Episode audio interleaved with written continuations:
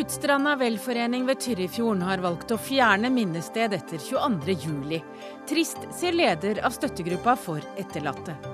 Regjeringen vil utnytte intern strid i LO for å endre arbeidsmiljøloven. Og VG starter ny TV-kanal. Spennende, men risikabelt, sier Dagbladets Andreas Wiese.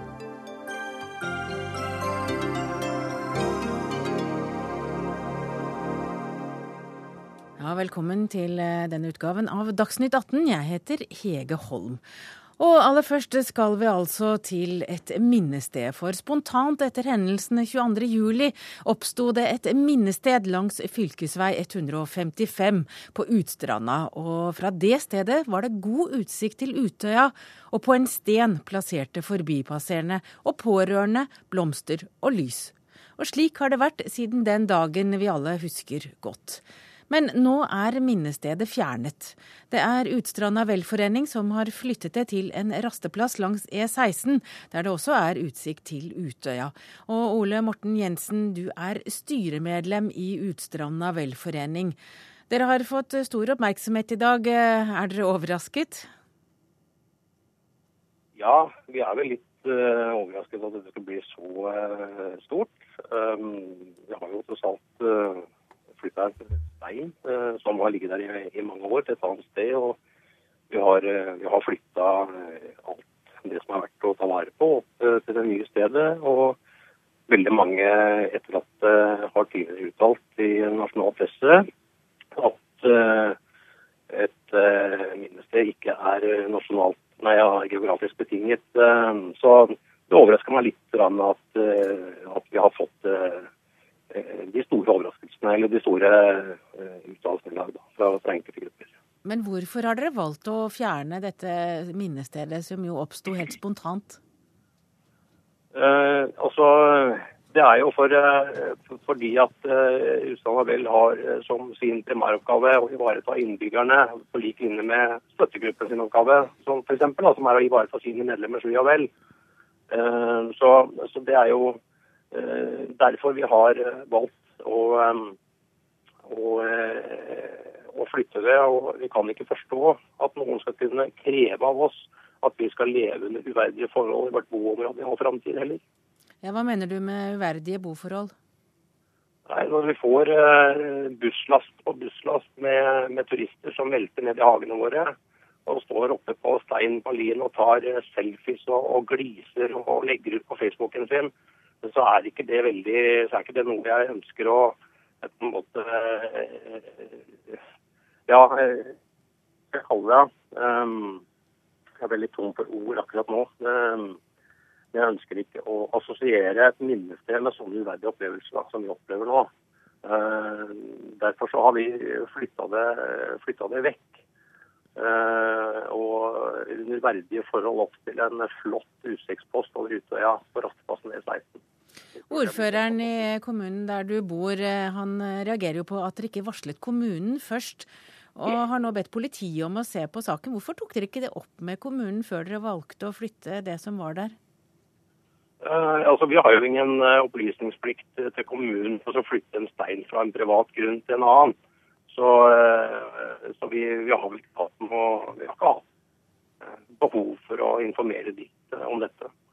Men nå har jo også han fått beskjed Han eh, valgte jo å gå til politiet med dette eh, i dag, og har jo fått beskjed derfra om at det er ingenting ulovlig som har blitt eh, gjort i denne saken.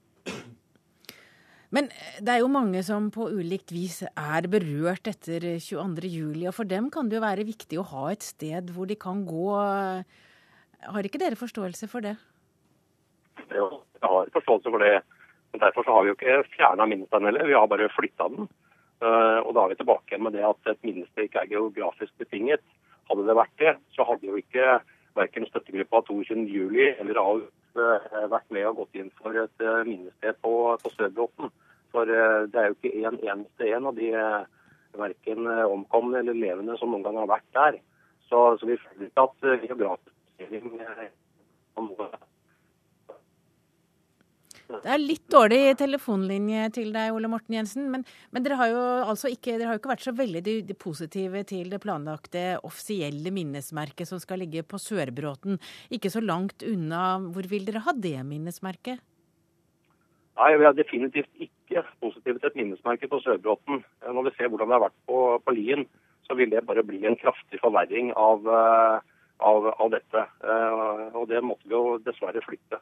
Eh, vi mener at det nasjonale minnesmerket vil kunne få en veldig flott plassering i området over Utøya. Eh, I det området der vi har passert den midlertidige minnesteinen i, i, i Gåstein. Som naboer føler dere at dere har blitt hørt i prosessen? Nei. Som, som naboer og i høyeste grad rørt over vi har, vi har, blitt totalt overkjørt i denne saken. her. Vi, vi, har ingen, eh, vi har ikke hatt mulighet til å uttale oss på noen som helst måte. Det er skuffende. Men nå er dere i dialog? Nei, det er vi ikke. Med hvem da? Med de som skal sette opp minnesmerket på Sørbråten? Nei, vi har ikke fått et eneste ord fra noen, vi. Vi har ikke fått et brev eller telefon fra noen, vi. Så du venter egentlig på å få en henvendelse du, hvor du kan eh, egentlig begynne å diskutere hva som skjer med minnesmerkene? Ja, Ifølge det vi har, uh, har sett i mediene i prosesser. Uh, jeg vet ikke om, det, de, om de prosessene kanskje bare er utsatt eller, uh, eller ikke satt i gang ennå, men i hvert fall så er ikke vi inviterte. Ole Morten Jensen, området der du bor vil jo alltid være forbundet med hendelsene 22.07. Vil dere godta at minnesmerket blir flyttet tilbake igjen? Nei, det vil vi ikke. Hvorfor skulle vi det? det et, et minnested er ikke geografisk betinget. Har, har ingenting med geografi, geografi, å gjøre. Så hvorfor i alle dager skal vi flytte det tilbake? Vi har fått en flott plass der oppe, med god utsikt og med privat beliggenhet. Eskil Pedersen, du er eh, leder for AUF. Hva tenker du om at minnesmerket nå er borte, er fjernet og flyttet høyere opp? Det er veldig mange som er eh, berørte av 22.07. Eh, og vi skulle ønske at 22.07 aldri hadde skjedd, verken på Utøya eller noe annet sted. Men det har det, og da må vi lære oss å leve så godt vi kan med det. Og jeg har forståelse for at det er vondt å bli påminnet 22.07. hver dag. Eh, men jeg ber også om forståelse for at det er mange som har behov for å fortsatt minnes. Og når vi har kjørt forbi denne bussholdeplassen på vei til Utøya eller på vei til Sundvolden, der vi ofte er, eh, og sett ferske blomster legges ned tre år snart eh, etter, så har det vært veldig fint å se. For det betyr at det er mange mennesker som fortsatt har de menneskene som ble drept i sine tanker og sine hjerter. Eh, og vi har vært opptatt av å få på plass et nasjonalt eh, minnested ved Sørbråten. Eh, sånn at vi i framtiden kan minnes det som skjedde, i ordnede former. At folk også kan legge ned blomster, komme dit og tenke over det som skjedde. Nå er naboene i en dialog. De har bl.a. vært invitert til statsråden flere ganger. Så det har jo skjedd noe de siste månedene. Eh, og eh, nå er det i stor grad også Hole kommune som må ta et ansvar for å involvere sine innbyggere i det som skal skje. Og det er utsatt med et år, akkurat som mange ba om. Eh, men vi registrerer jo at det ikke har vært noe dialog om at dette minne, midlertidige minnestedet er fjernet nærmest over natten. Så vi sier i dag at de som fortsatt har lyst til å minnes, legge ned blomster, må gjerne gjøre det på vår kai, som ligger rett ved dette stedet, på AUF sin kai på Lonsea. Er det viktig for dere at minnesmerket ligger ved vannet og ikke høyere opp ved E6, eller E16, mener jeg? Det er ikke AUF som har bestemt hvor minnestedet skal være. Det har regjeringen gjort, og den nye regjeringen har også stadfestet at minnestedet blir der.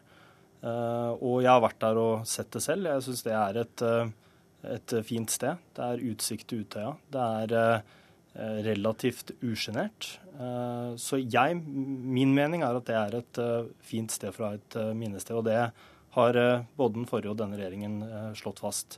Men det er viktig at vi har minnested. Fordi at selv om vi skulle ønske det aldri hadde skjedd, så har det skjedd. Og mennesker har behov for å minnes.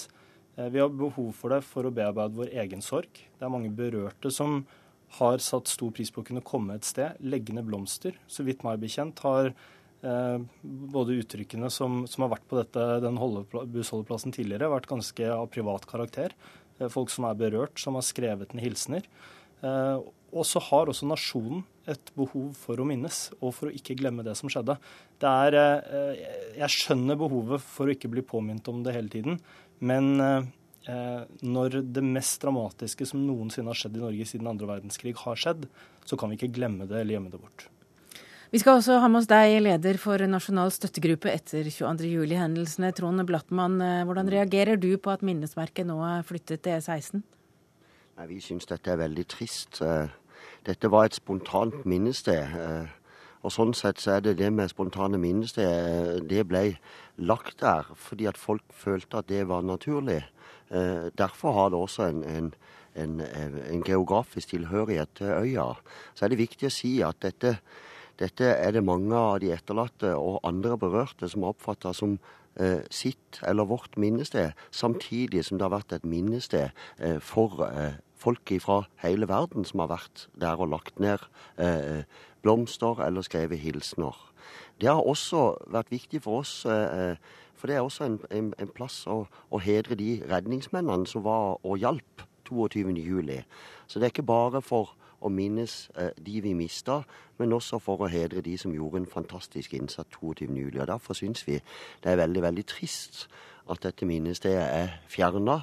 Eh, fordi at det var et spontant minnesmerke som oppsto plutselig, og har fungert eh, som det siden, eh, siden dette skjedde 22.07. Men når du hører der naboene forteller om det de opplever eh, i nabolaget ved minnesmerket, forstår du da hvorfor de har gjort det de har gjort? Er veldig vanskelig for meg å gå inn i den beskrivelsen som naboene gir uttrykk for her. Eh, men det er klart at Eh, en må tenke på at eh, det skal etableres et nasjonalt minnested der i 2016 eh, på Sørbråten. Og det normale ville da vært at det midlertidige minnestedet ville fungert fram til det permanente minnestedet var etablert. Sånn har jeg tenkt hele tida. Jeg har heller ikke oppfatta at det har vært andre signaler fra området oppe i Hole på dette før dette skjedde helt plutselig da. Vi har heller ikke fått noen henvendelse fra, eh, naboene i forhold til at de skulle gjøre det de gjorde i dag. Jeg syns, jeg syns det er trist, fordi at jeg også har vært der og, og minnet min sønn som er mista på Utøya, og jeg vet at mange av de andre etterlatte, berørte og også overlevende har vært og minnet sine på dette stedet, fordi at det føltes veldig naturlig. Dette er en vanskelig sak med mange berørte parter mm. og mange følelser. Mm. Så noe debatt tar vi ikke om temaet, for her må alle respekteres. Men Ole Morten Jensen, fortsatt styremedlem i Utstranda velforening. Nå hører du på reaksjonene her. Hva vil du si? Jeg er litt overraska over at eh, Blattmann går så hardt ut og forsvarer et minst. Jeg mener han har liten eller ja, liten relasjon til. da. Eh, de skal jo få sitt eget nasjonale minnested på, eh, på uh, Utøya. Sånn at kan vi bare poengtere enda en gang at vi ikke har fjerna noe minnested. Vi har flytta det til et mer egnet sted og et mer verdig sted for alle parter. Det er ikke sånn at vi har frarøvet noen noe som helst. Så jeg, jeg, forstår, ikke denne, jeg forstår ikke denne plutselige tilhørigheten til, til dette minnestedet. Uh, men, eh, men, jeg har også et spørsmål til, eh, til både eh, AUF og til, altså til Eskil Pedersen, da, også til, til Nasjonal støttegruppe. Som jeg håper dere rekker å få noe svar på. Og Det er hvorfor dere har det så travelt med å ta Utøya tilbake. Hvorfor er det så viktig at dere insisterer på å ta Utøya tilbake? Og hvorfor revurderer dere ikke, dere ikke denne uttalelsen når dere nå er klar over hvor mange dere tråkker på i denne prosessen? Og så er det et spørsmål til Nasjonal støttegruppe. Eh, dere har uttalt eh, at dere ser på beboere og redningsmenn på Ustranda som kun naboer og ikke som berørte. Kan du begrunne hvorfor? Det gikk da altså til, til Blattmann nasjonal støttegruppe. Skal vi la deg svare først, Blattmann? Ja, jeg har en liten eh, ting til som jeg vil ha med først, som jeg kan svare på samtidig. og det er at De har på sin Facebook-side har uttalt at de er glad for at prosessen med Sørbråten ligger fast. og Dermed er dere med på å overkjøre alle oss på Ustranda hvor mange med livet som innsats kastet seg inn i terroren og reddet ungdom vekk fra Utøya. Hvordan kan dere mene at dere skal være en part som på den ene siden skal ivareta berørte, og på den andre siden overkjøre den samme berørte for å få plass til et nasjonalt minnested, Og ta Utøya tilbake, koste hva det koste vil. Dette er en stor debatt, Jensen, men Blattmann ja, Nå har vel jeg vært veldig tydelig på at eh, vi har satt veldig pris på de redningsmennene som også er naboer eh, i Hole kommune, som gjorde en fantastisk jobb 22.07. Eh, det har jeg vært veldig tydelig på. Jeg vet at mange av de er å betrakte som naboer. Og, og jeg jeg har full forståelse for at de har mening om dette minnestedet som er tenkt etablert på Sørbråten. Men nå er det sånn at nå går det en demokratisk prosess. Vi i Nasjonal støttegruppe var glad for at regjeringa stadfesta sin beslutning, og det har vi sagt på vår side. Fordi at alternativet ville vært en lang, lang prosess, lang tid framover, før vi hadde fått etablert et nasjonalt minnested. Og det er viktig å huske på at dette er et nasjonalt minnested. Vi har ikke bestemt at det skal ligge på Sørbråten.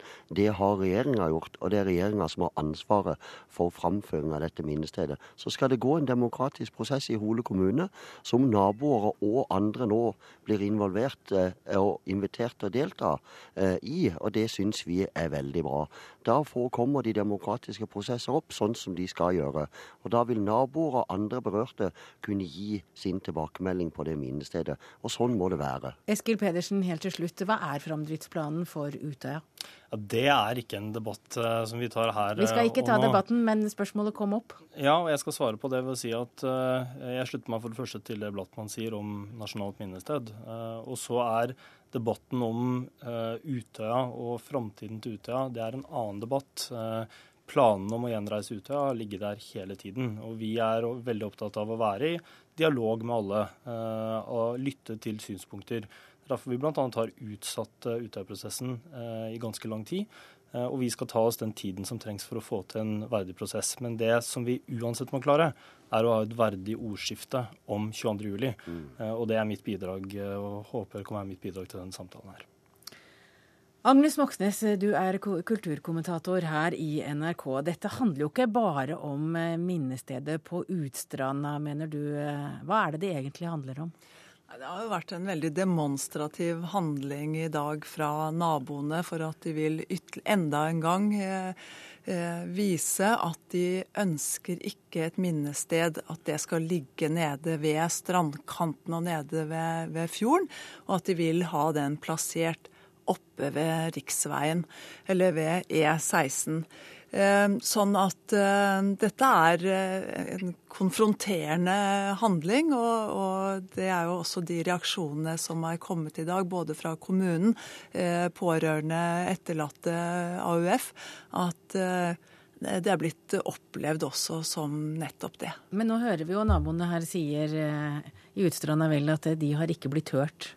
Nei, men, og det er riktig. Fordi at eh, de skulle, både Hole kommune og, og naboene, skulle vært involvert i denne prosessen på et eh, tidligere tidspunkt. Men det er riktig som Eskil Pedersen sier, at nå er de involvert. De har vært i flere dialogmøter med regjeringen. Eh, og de er kommet i en posisjon som gjør at de er, kan gå i dialog med den utviklingen som skal skje fremover nå. Det er blitt utsatt, avdukingen av dette minnestedet, fra eh, sommeren 2015 til sommeren 2016. Eh, det skal, Enda er det ikke helt bestemt hvor dette kuttet i denne odden skal gå. Det er ikke bestemt hvordan parkeringsplassene skal bli, hvordan veitilførselen skal bli. Sånn at det er så mye som kan gjøres. Og dette er jo ikke en helt stille og rolig vei vi snakker om. Det er en campingplass like i nærheten. Det er mange turister som ferdes der uansett. Og jeg tror at selv om nabolaget hadde fått det som de ville med å legge dette minnestedet oppe ved E16, så ville antageligvis likevel svært mange trekke ned til stranden og til vannkanten for og tenke igjennom det som skjedde 22.07.2011. Men det de har gjort nå, akkurat nå, det er altså å fjerne et spontant minnested som oppsto rett etter 22.07. fordi folk ville se Utøya. Det står på privat grunn, så egentlig så har de jo bare gjort det de eh, har rett til å gjøre? Ja da, det er ikke noe ulovlig i akkurat selve handlingen. Men vi, altså, denne minnesteinen kan jo sammenlignes med en slags gravsten og en gravplass. Og man, det, dette gjør man jo ikke. Man fjerner ikke en gravsten, og man fjerner ikke de blomstene som er lagt på den gravstenen. Takk til deg, Agnes Moxnes, kulturkommentator her i NRK. Takk også til Ole Morten Jensen, styremedlem i Utstranda velforening, Eskil Pedersen, leder for AUF, og Trond Blattmann, leder for Nasjonal støttegruppe etter 22.07-hendelsene. Dagsnytt 18 alle hverdager klokka 18. På NRK P2 og NRK2.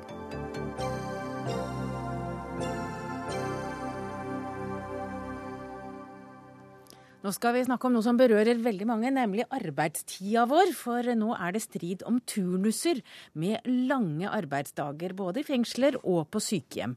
For lokale LO-medlemmer ønsker å jobbe lange vakter, ja helt opptil 15 timer. Men det har ikke falt i god jord hos LO sentralt. Og nå sier regjeringen at de vil utnytte denne menigheten til å endre arbeidsmiljøloven. Men eh, før vi snakker med regjeringen, vil vi snakke med deg, Peggy Hessen Følsvik. Du er førstesekretær i LO. Og nå må du forklare hvorfor syns ikke LO det er helt greit at folk kan få lov å jobbe så lenge de vil i turnuser med lange dager? Jeg vil først si at akkurat de to sakene som du eh, trakk opp nå, eh, de vil ikke jeg kommentere direkte, fordi at de er det ikke LO sentralt som har eh, sagt nei til og avslått. Eh, de er det eh, Fagforbundet eh, og LO Stat som har hatt på sitt bord. sånn at de to sakene har ikke jeg behandla, sånn at de vil jeg ikke kommentere.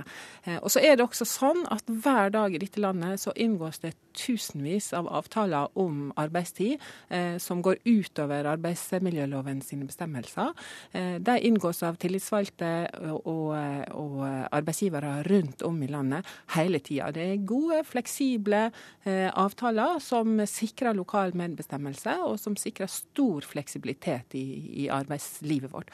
Og så er det noen få avgjørelser som kommer inn til det som heter fagforening med innstillingsrett, som vil si fagforeninger med over 10 000 medlemmer. Eh, de eh, eh, må behandles enten i LO sentralt, vi, betaler, vi behandler søknader fra privat sektor, eller så går de til de andre forbundene. Og Da betyr det at det er avtaler som gir dispensasjoner som er ganske store ut ifra en normal arbeidsdag. Det er, det, som, det er sånn systemet fungerer. Ja, og dere liker ikke de avvikene fra du, du kaller det normal arbeidsdag. Dere syns ikke noe om turnuser som, hvor man legger opp til 15 timers arbeidsdager maksimalt? Ja, nå er det sånn at vi innvilger faktisk nesten 99% av de søknadene som kommer inn. Og så er det noen vi sender tilbake igjen til partene, og så gjør de sine justeringer. Og så blir man enig, og så innvilger vi også dette. Så det er veldig få saker som vi sier nei til. Eh, og disse to sakene som har blitt trukket opp i media i det siste, det er den eh, type saker. Men det aller, aller fleste eh, søknadene blir innvilga. Men, men, nå forstår jeg, altså det er ikke alle som klarer å skille LO sentralt og, og hva som er forskjell på lokale mm. fagforeninger og sentrale LO. Men, eh, men, hva er det i det med turnuser med veldig lange vakter som dere syns er beklagelig? Når denne ordninga kom i stand, og når den ble bekrefta i 2004 av Arbeidslivslovsutvalget, så var det tre hensyn eh, som eh, regjeringa den gangen sa var viktig i den sammenhengen, og som gjorde at man ga eh, fagforeninger med innstillingsrett denne retten. Det ene var vernehensyn, det andre var sosiale hensyn, og det tredje var rett og slett konkurransemessige hensyn bedriftene imellom. Så det helt klare aspektet som er viktigst for oss, er jo vernehensynet, nemlig det at vi må ha et arbeidsliv som har plass til alle. Ikke bare de som er unge og spreke og kan godt tenke seg å jobbe 15-16-17 timer i døgnet. Vi skal ha plass til unge, vi skal ha plass til eldre, vi skal ha plass til småbarnsforeldre. Vi skal til og med ha plass til de som ikke er helt uh, funksjonsfriske. Og det siste har vi jo uh, nettopp blitt enige om uh, med Dahlberg Hauge og med regjeringa om at vi skal ha en avtale om inkluderende arbeidsliv. Det lar seg ikke bestandig forene med arbeidsdager på 15 timer. Ja, Du har introdusert han selv, statssekretær i Arbeidsdepartementet Kristian Dahlberg Hauge. Dere ønsker nå å gjøre endringer i arbeidsmiljøloven, og dere bruker bl.a. uenigheten internt i LO som et påskudd. Hva er det dere vil endre? Altså det er ikke sånn at Vi bruker det som noe påskudd, men regjeringen har sagt i plattformen at vi vil gjøre det enklere å få til alternative turnuser. Og jeg tror det vi ser... Og hva er en alternativ turnus? Det handler om at man går utover normalarbeidstiden, hvor man eh, ut fra eh, lokale hensyn, tilpasset arbeidstakerne, tilpasset den lokale arbeidsplass, ønsker å finne løsninger som de mener gjør arbeidsdagen enklere og bedre for eh, det tilbudet de skal gjennomføre. Jeg tror dette er noe man kommer til å se mer eksempler på i fremtiden. Jeg tror også i fremtiden så vil arbeidstakere i mye større grad krever mer fleksibilitet, mer mulighet til å kunne tilpasse arbeidstiden til egen livssituasjon, til egen arbeidsplass. Og da har vi nok et system i dag som er litt for tungrodd. Ja, hva er det dere ikke får lov til å gjøre i arbeidsmiljøloven i dag? Hva er det den hindrer? Nei, Det er jo de eksemplene vi ser her, hvor man ønsker da å ta initiativ på arbeidsplasser, det være seg sykehjem, det være seg fengsel, til å jobbe litt lenger, eh, doble vakter, for da å kunne ha lengre friperioder. Eh, vi var besøkte sammen med arbeidsministeren, Ladegården i Bergen, som er den ene saken. Det de ansatte sa der, det var at fikk de gjennomføre den turnusen de ønsket, så ville de oppleve å få eh, mindre ufrivillig deltid, lavere sykefravær og bedre arbeidsmiljø. Men dette, dette låter jo som eh vakker musikk i dine ører? Jeg vil ikke, som sagt ikke gå inn i den spesielle saken, for den har ikke vært på mitt bord. Men det jeg har gjort i mange år, er at jeg har forhandla skiftplaner og arbeidsplaner som tillitsvalgt. Eh, og det jeg vet, er at man som tillitsvalgt eh, veldig ofte blir utsatt for et ganske sterkt press, og et ganske sterkt krysspress, vil jeg si.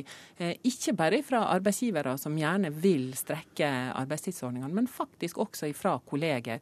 Fordi at det for enkelte i en gitt periode passer passer bra å jobbe lange, tunge vakter, og som det da går på bekostning av andre.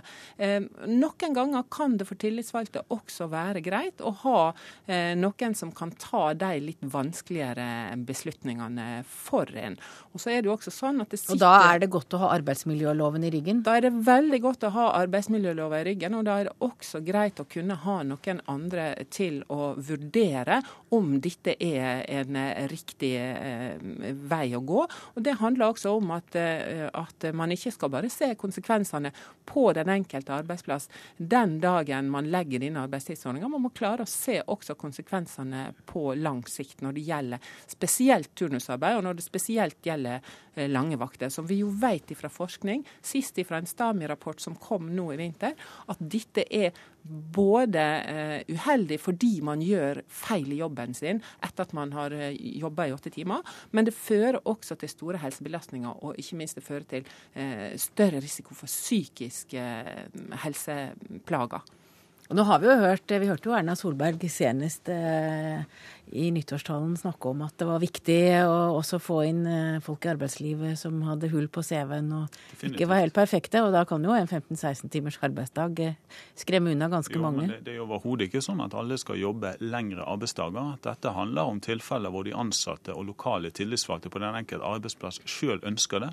Og For å vise til denne saken som nå er den siste, med fengselsansatte, så sier jo de at ved at de ikke får lov å gjennomføre den turnusen de ber om, så går det på sikkerheten løs. De mister verdifull fagkompetanse. Og det er nettopp det dette handler om, også for å rekruttere folk med hull i CV-en. Man må finne mer skreddersydde løsninger tilpasset den enkelte arbeidsplass.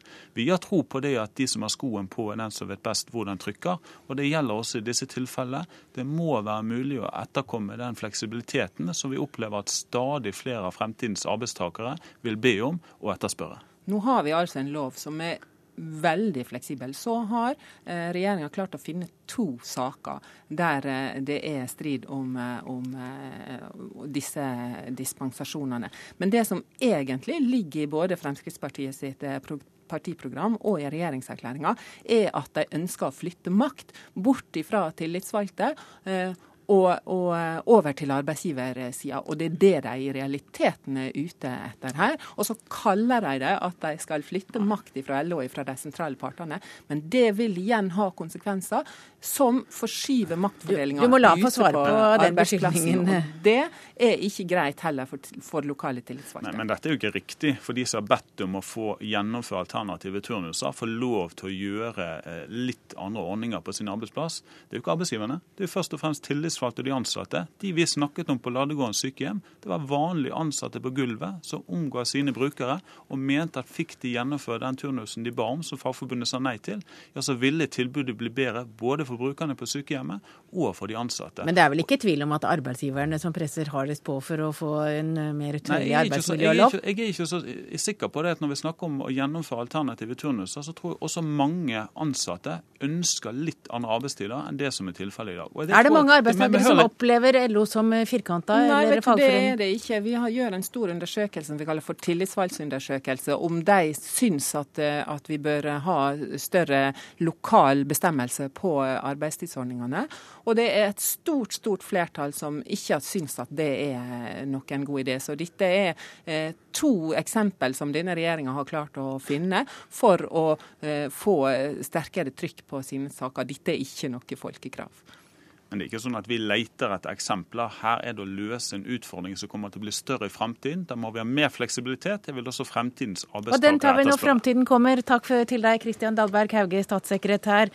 Og takk til Peggy Hessen Følsvik, førstesekretær i LO.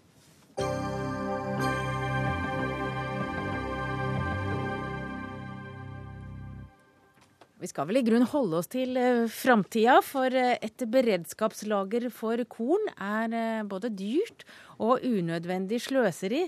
Det mener professor Ole Jøberg ved Norges universitet for miljø- og biovitenskap, det man tidligere kalte Landbrukshøgskolen på Ås. Og du skriver i dag i Dagens Næringsliv at sannsynligheten er så liten for kornmangel at dette er noe vi ikke trenger å forberede oss på. Hvordan vet du det? Jeg vet ikke hva som kommer til å skje, men jeg kan jo resonnere rundt det. Og jeg har veldig vondt for å se en situasjon der eh, vi står uten korn, tilstrekkelig korn, i et uh, rikt vesteuropeisk land. Uh, jeg har deltatt i en del, del diskusjoner rundt dette her og forsøkt å finne ut hva slags katastrofe eller krise som skulle utløse noe sånt, og jeg får i grunnen aldri noen ordentlige svar. Ja, Det er snakk om tørke? ja, det er. I, I landbruket så har vi alltid tørke noen steder i verden. Eh, men eh, det finnes ikke noen empiri, eh, noen historisk erfaring for at det er tørke over hele verden samtidig. Så er det krigssituasjoner, selvsagt. Jeg har vært i debatter hvor man har henvist til napoleonskrigene. Hvor den engelske krigsmarinen blokkerte innseiling til Norge, og Terje Wigen måtte ro til Danmark. Jeg tror ikke at det er noe særlig sannsynlig scenario i dag. Eh, jeg hører om store naturkatastrofer, altså av typen vulkanutbrudd i Yellowstone, som legger en askesky over hele den nordlige halvkule. Eh, det kan skje. Det sier jo geologene. kan skje neste uke eller om en million år. Men i så fall så, så monner nok ikke et uh, beredskapslager på noen hundre tusen tonn noe særlig. Så du mener at snakket om et kornlager er bare tull? Ja, det er en sløsing med samfunnets ressurser. Det er mye annet som vi kan bruke ressursene på. Og hvis vi først skal ha beredskapslager, så bør vi kanskje tenke nøye gjennom hva det er vi trenger beredskapslager av. Og da er det nok helt andre ting enn korn som eh, bør prioriteres. Ja, Per Olaf Lundteigen, stortingsrepresentant for Senterpartiet. Dette er ikke du enig i, for du har sagt flere ganger her i studio at det er viktig at vi har beredskap, og at kornlager er noe av det viktigste. Hvordan, eh, hvorfor ser dere på verden så forskjellig? Vi lever i en veldig rar tid i Norge. Helse, miljø og sikkerhet, det er veldig viktig for oss nå. Det koster utrolig mye penger, og det er veldig populært. Helse, miljø og sikkerhet. Mens matvaresikkerhet, som koster veldig lite, det er lite populært hos eh, folk som da representerer Handelshøyskolen på det som tidligere var Landbrukshøyskolen, som skulle snakke om, om bruk av land. Altså, vi lever i et paradoks. Vi lever i ei tid som er eh, mer og mer rar. Hvor det viktigste knytta til sikkerhet, det har vi ikke råd til. Mens eh, veldig mange situasjoner ellers så er det kjekt å ha. Men trenger vi et kornlager? Er det nødvendig? Vil vi få bruk for det? Det viktigste når det gjelder matforsyning, det er jo den løpende produksjonen. Det er hva vi produserer hvert eneste år. Og ethvert selvstendig land i verden gjør det de kan for å sikre tilstrekkelig matforsyning innenfor landets grenser. Og det gjør de ut ifra internasjonal erfaring. Vi veit den arabiske våren, den ble utløst av eh, veldig høye priser på, på mat. Og Det er ingen tilfeldighet at EU har eh, veldig store programmer for å sikre da en høy matvaredekning innenfor eh, sitt område. I Norge er vi tvert imot i den situasjonen at eh, her går matvaresikkerheten ned hver eneste år. Sjøl under den rød-grønne regjeringa så gikk matvaresikkerheten knytta til jordbruksvarer så langt ned at nå er den under 35% Under 35% Folk er ikke klar over situasjonen. Og så kommer det da professorer på det som kaller seg nå Handelshøyskolen, som tidligere var Lammeshøyskolen. Du tar feil der. Nei, det tar jeg ikke feil. De har et så komplisert navn nå at eh, vi som har gått på Lammeshøgskolen, vi greier ikke å uttale det engang. Så vi forbinder dem mest med kopien av Handelshøgskolen i, i, i Bergen. Ja, Du mye... mener at det bare er penger han tenker på? Det er, altså, han, det er ikke noe dårlig regning, det der sånn. Men altså, vi du er enig i regnestykket? Ja, da, regnestykket det er greit. Og det vi snakker om når det gjelder matvareberedskap, det er jo å betale en forsikringspremie. Vi snakker her om en kostnad i størrelsesorden 25 øre per kilo. Og det kan en eh, fra Handelshøyskolen eh, på Ås regne seg fram til, på samme måte som Handelshøyskolen i Bergen regner seg fram til at det er for dyrt. Men altså helse, miljø og sikkerhet på andre områder, det regnes det ikke på. Det skal vi ha. Men det høres jo ut som en billig garanti for å ha nok korn, da, når du hører på regnestykket til uh, altså, Lundteigen? Er Norge er et veldig rikt land, og vi kan bruke penger på mye, også mye helt unødvendige ting. Altså, vi har råd til å betale et beredskapslager, vi har råd til å arrangere OL. Men det er ikke noen grunn til å gjøre ting unødvendige ting, det at vi er rike. Og vi bør etter mitt syn vurdere hva slags eh, forsikringer vi tegner, og hva forsikringen koster. Og da mener jeg fortsatt at er, jeg har ikke hørt noen gode argumenter for at vi skal forsikre kornforsyning. Eh, på bekostning av andre former for. Men Du sier jo at det viktigste vi kan gjøre er å holde oss inne med danskene? Holde oss inne med våre naboer, som er storprodusenter og store nettoeksportører av korn. Og det er, Handel er den tryggeste og sikreste måten å sikre matforsyning på. Sjølsagt så skal vi holde oss inne med våre, våre, naboer. Og kjøpe korn derfra hvis det skulle knipe? Ja, vi gjør jo det i veldig stor grad. Men det som er hele kjernen med dette spørsmålet, det er jo at myndighetene forsøker å ha stabilitet i prisene. Ikke ha store fluktasjoner i matpriser det er alle, alle, land prøver å ha stabilitet i det, sånn, og prøver i hvert fall å unngå da rasjonering, som er det, det sterkeste virkemidlet hvis prisene går, går rett værs. Og det er jo et kjempeparadoks at dess rikere Norge blir, dess mer pengerikelighet vi har, dess mindre vekt legger den på det her sånn. Helt fram, aldri... til, unnskyld, altså helt fram til 1996 så hadde vi beredskapslager av kønn. Vi hadde 1 milliard kilo kønn på lager. Da hadde vi råd til det. Men nå har vi, har vi blitt så rike at nå har vi ikke råd til det. Men helse, miljø og sikkerhet i alle bauger og kanter i samfunnslivet, det har vi råd til. Det og det er professorene så til de grader glad i, for det tjener deres interesser. Men Lundteigen, hvis det ikke er bruk for det, det, hva er vitsen med å holde et eh, kornlager hvis vi aldri kommer til å få bruk for det? Nei, da er det jo ikke noe vits i. Men det er jo nettopp det som er saken, at du har forsikringsordninger fordi at du vil få bruk for det. Det er jo derfor at dette her er internasjonalt anerkjent. Men som sagt, altså det viktigste er den løpende produksjonen. Den løpende produksjonen av kønn. Og det vi opplever i Norge i dag, er at kønnproduksjonen går ned. Arealet går ned, og avlingene går ned. Importen går opp, sårbarheten går opp. Og den her høyskolen ute på Ås, da, Handelshøyskolen, de snakker ikke om det der i det hele tatt. Det som burde være døms hoveddomene. De skulle jo utdanne eksperter på det som var matvareområdet, men så utdanner de nå heller eksperter i økonomisk teori, som vi har mange, mange fra før av på Handelshøyskolen i Bergen. Ja, Ole Jøberg, du jobber altså ved Norges universitet for miljø- og biovitenskap. Ja, på Handelshøyskolen ved NMBU, Universitetet på Ås. Vi har utdanna Lundteigen, men han trenger noe, noe etterutdanning. Eh, jeg konstaterer igjen at Lundteigen er ikke i stand til å peke på noe konkret scenario for når vi skal få bruk for dette. her. Altså Det er sånne skremsler om at eh, vi skal ha rasjonering. Det, vi har aldri i moderne tid vært i nærheten av rasjonering når det ikke er en krigssituasjon. Og selv i en krigssituasjon så vil jo ikke dette eh, lageret som på en million tonn. Milliard. Milliard kilo. kilo. Ja, Per Olaf Lundteigen, er det, monne. er det egentlig den norske bonden, kornbonden, du snakker for? Er Nei. det han du vil holde i arbeid? Hele jordbrukspolitikken den er en samfunnssak, og kjernen er matvaresikkerhet. Matvaresikkerheten går ned, og kønnet er da en viktig del av det. Det er en veldig billig forsikring. Og det mener du, og du mener at det er unødvendig forsikring? Lundteigen ønsker å skremme folk til å tro at det kan bli matmangel, og derfor så er dette et ledd i hans politikk for å øke overføringen overføringene til norsk landbruk. Det er, det er trist å høre sånne overtramp fra en professor. Takk til deg, Per Olaf Lundteigen og Ole Jølberg.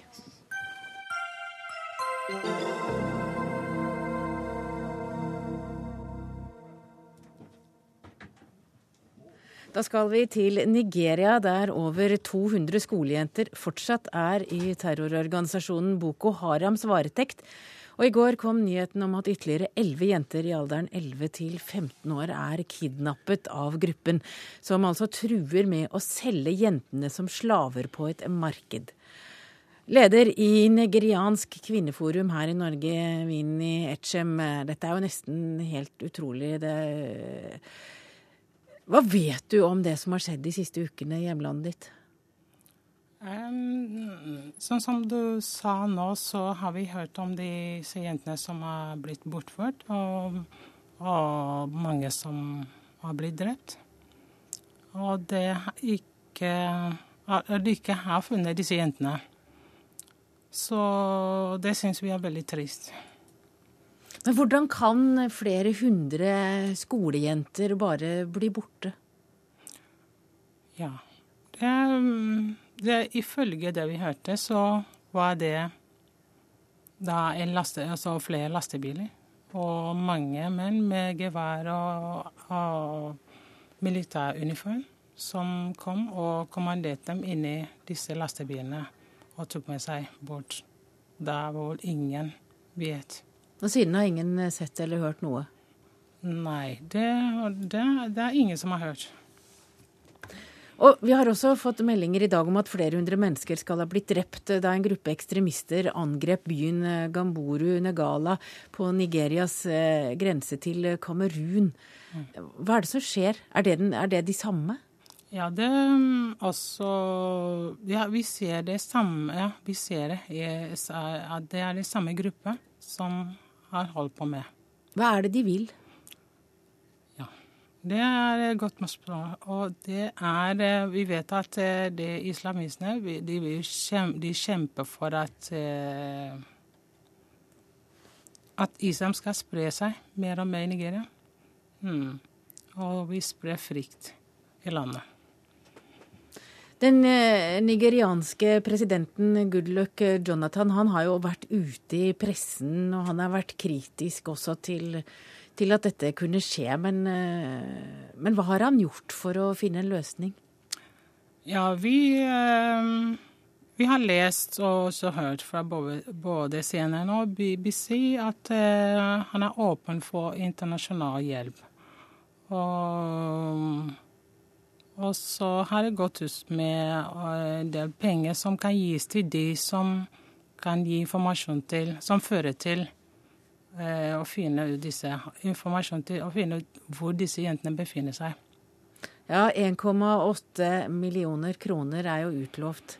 Eh, Stig Jarle Hansen, du er førsteamanuensis ved Universitetet for miljø- og biovitenskap på oss igjen, eh, men eh, i en helt annen sammenheng nå, for du skriver bok om afrikanske terrorgrupper, og blant dem er altså Boko Haram. Hva slags gruppe er det? Det er en gruppe som eh, mange lurer på når egentlig oppsto, men de er kjent for at de slo på en måte gjennom i 2002. Så var det en hendelse i 2009 hvor eh, nigerianske myndigheter prøvde å slå ned på dem, hvor de ble mye mer eh, voldelige.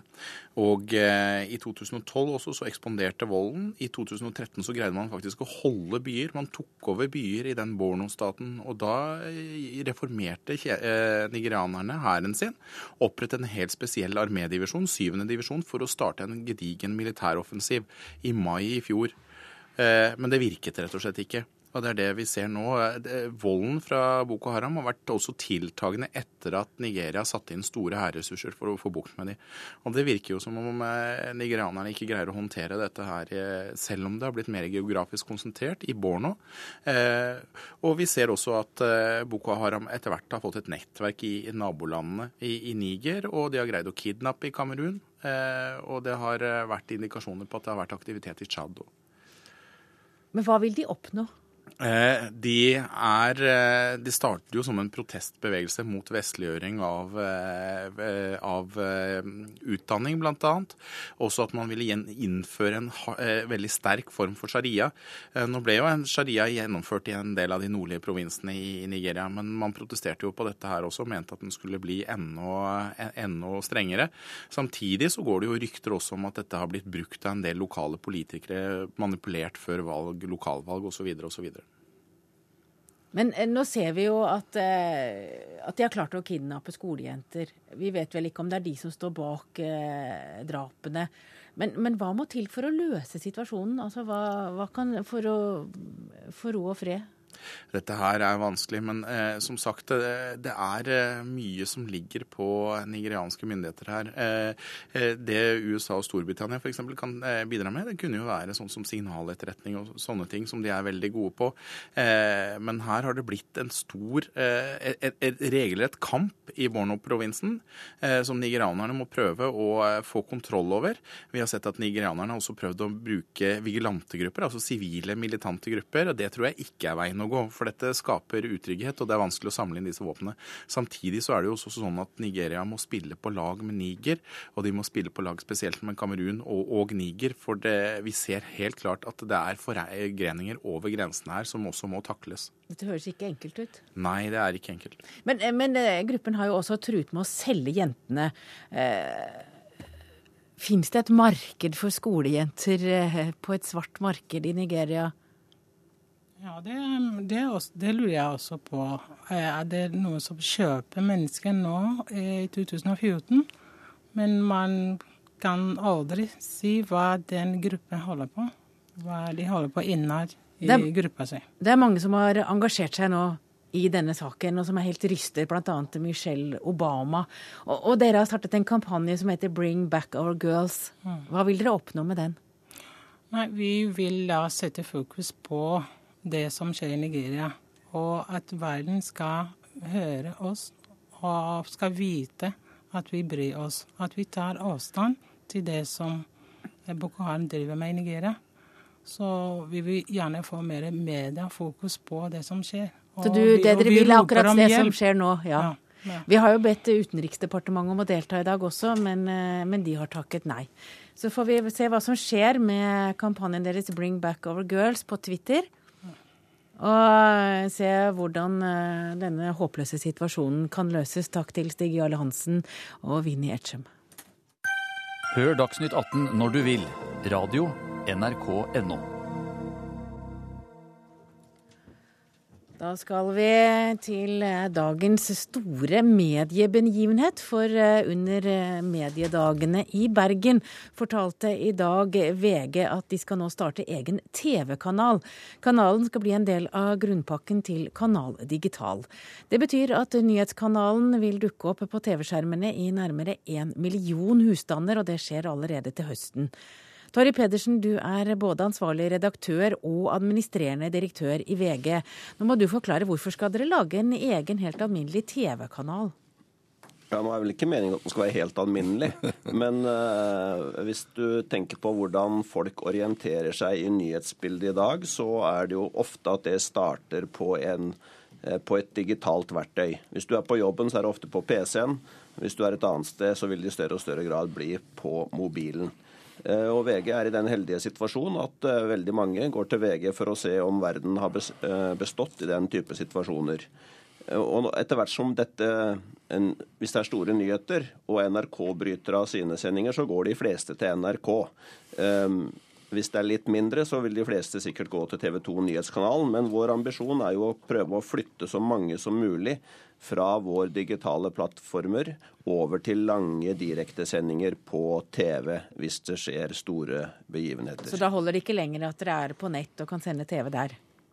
Eh, vi ønsker å være på så mange plattformer som eh, mulig. Eh, det som skjer i mediemarkedet, er jo at alle aktørene leverer innhold på flest mulig plattformer. Og om et par-tre år så leverer NRK innhold på briller og klokker og andre såkalte wearables, og det kommer sikkert TV 2 og VG til å gjøre også. Men du snakker om store hendelser, og alle vi som jobber med nyheter vet at det skjer av og til, men eh, det skjer ikke hele tiden. Hva skal dere sende på denne TV-kanalen? Eh, vi skal sende I fjor hadde vi 700 direktesendinger. Eh, hele poenget med vår kanal er jo at den ikke skal være programmert som en vanlig TV-kanal. På NRK så starter jo ting til faste tidspunkt og slutter til faste tidspunkt. Selv, NRK, eh, selv TV 2 Nyhetskanalen er ganske, et ganske eh, tydelig såkalt tablå, mens vi ikke vil ha det. Vi vil prøve å flytte flytte eh, på en måte nettets struktur og eh, egenskaper over til TV-skjermen. Jeg går ikke inn på VGs TV-kanal for å oppdatere meg hele døgnet. Jeg går dit når det skjer noe. Eh, ja, det vil jeg tippe at du gjør. Nå er det jo sånn at vi fikk jo presentert en undersøkelse fra Frank Aarebrot i dag som sier at ungdom har nettet som sin primærkilde for eh, å eh, konsumere nyheter. Og VGTV har jo en veldig ung profil, så for oss er jo dette et forsøk da på å ta en mulig posisjon uh, i en hva skal vi si en ganske liten eh, det, Vi vil være en liten kanal innenfor en liten nisje. Så jeg tror ikke NRK eller TV 2 skal være dypt bekymra. Ja, hvor bekymra er du på en skala fra 1 til 10 av Novo Aarsæter? Du er nyhetsredaktør i TV 2. Nei, på en skala fra 1 til 10 så, så er vi på 1 eller 2. Og det, det har litt med, med, med, med Når vi starta nyhetskanalen i 2007, så var det mange som dømte oss nord og ned og sa at uh, dette er noe som som TV 2 holder på med noen måneder til de har brukt opp pengene, og så er dette ferdig. fordi det skjer ikke noe i Norge. Det som har skjedd etterpå, er jo at uh, Nyhetskanalen har jo satt uh, rekord år for år. og Nyhetskanalen er jo i ferd med å sette ny seerrekord også i 2014. Og eh, vi har må, vår måte å fungere på som vi føler har tilfredsstilt et behov. og det er når, når mange andre ikke dekker ting direkte, så, så er vi der alltid. og det virker det som det norske seerne setter pris på. Det er fint at du er fornøyd med nyhetskanalen din, Årsæter, men dette handler jo også om penger. Og hvis det er slik at hver gang det skjer noe, så går folk på VGTV, i hvert fall de som har anledning til det, eh, så vil jo det få konsekvenser for annonsørene, vil jeg tro. Det er jo sånn, Vi har jo alltid konkurrert. TV 2 er kommersiell bedrift, og vi har 22 års erfaring med konkurranse. Og eh, hvis vi skulle være bekymra for det, så, så ville vi hatt store problemer. Vi, vi, tenker som så ok, hvis dette skjerper, oss, så er det kjempebra. Vi tenker at vi har et uh, godt produkt som fungerer på godt, godt på sine premisser, vi ønsker VGTV velkommen i denne floraen av, av nyheter. Og, og, og, det er også sånn her at eh, video uansett hvordan det blir publisert, er jo mer etterspurt enn noen gang. Og dette er jo et uttrykk for det. Kringkastingssjef Tor Gjermund Eriksen, du er også i Bergen. Ble du mm. overrasket da VG fortalte at de skulle lage TV-kanal? Eh, nei, ikke veldig. Så hadde jeg hørt bitte litt om det på, på forhånd. Men jeg tror eh, det er riktig som programleder sier, at det er en begivenhet. Eh, så jeg ønsker ikke å ta ned betydningen av dette initiativet. Men jeg tror vi kommer til å bli vant til å møte den type initiativ. Eh, både fra VG og TV 2 og NRK og andre. Det kommer til å komme nye produkter, og vi kommer til å ha stor konkurranse om å, å nå eh, seere, lyttere. Eh, og det er jo veldig viktig, som begge er inne på her. Det er jo Altså, Dagsrevyen er Norges absolutt største og viktigste nyhetsprogram fortsatt. Men det er jo sånn at unge mennesker i dag lettere søker til mobile plattformer. Og vi også hele tiden eh, tenker på hvordan vi skal tilpasse nyhetsoppdraget vårt for å nå ut med de eh, nyhetene til publikum der de er. Men Tor Gjermund Eriksen, nå legger NRK ned morgentilbudet på TV. NRK har lagt ned forsøk på å starte nyhetskanal opptil flere ganger. Hvor lang tid gir du VGs eh, TV-kanal? Men den, den diskusjonen om å legge ned eh, er egentlig ganske håpløs. NRK bruker mer penger på nyheter enn en eh, noen gang. Altså, Før så hadde vi sånne diskusjoner hver gang man gjorde en endring, kanskje hvert andre år eller hvert femte år. Nå kommer vi til å endre på tilbudet hele tiden. Eh, veldig mange for, nettopp for å tilpasse oss og nå med nyhetene til der publikum eh, er. Og, og, NRKs nyhetsoppdrag er et av de viktigste allmennkringkasteroppdragene vi har. Og der må vi se det samla oppdraget både på nett, mobil og radio og TV. Ja, Nyhetsredaktør Per Arne Kalbakk sa i dag i en kommentar at NRK skal møte VGTV med å satse mer på nett. Hvorfor det? Nei, men eh, Som jeg sier, at eh, jeg eh, syns at Dagsrevyen fortsatt er, eh, er, en veldig god og veldig viktig sending. Men min 17-åring som er hjemme, han kommer ikke til å se Dagsrevyen på samme måte som min mor eller meg selv. Uansett hvordan vi utvikler Dagsrevyen. De har andre vaner, og da må vi nå fram til den, de unge menneskene med NRK-nyheter på nye måter. Torry Pedersen, her hører du. Du møter eh, bare glade ansikter når du kommer med nyhet om at dere skal starte en konkurrerende TV-kanal. Men hvor mange seere må dere ha for at annonsørene skal bruke penger på TV-kanal? Nei, altså jeg tror ikke vi skal uh, engang snakke uh, ut fra de termene. fordi at det vi uh, jobber med, er jo å få et, en oppslutning om universet vårt på en, på et på en rekke plattformer. Eh, og en sånn ratingkrig mot eh, NRK og TV 2, den vil vi nok tape i lang, lang tid. Så det er ikke det som er vårt innsteg i dette. Og jeg tror heller ikke det er annonsepengene vi kommer til å tjene mest penger på her. altså ved, eh, Dette skal jo distribueres på Kanal Digital, og da får jo vi en eh, hva heter det, en distribusjonsinntekt for at eh, kanalen distribueres der. Men, men er det noe dere skal gjøre mindre?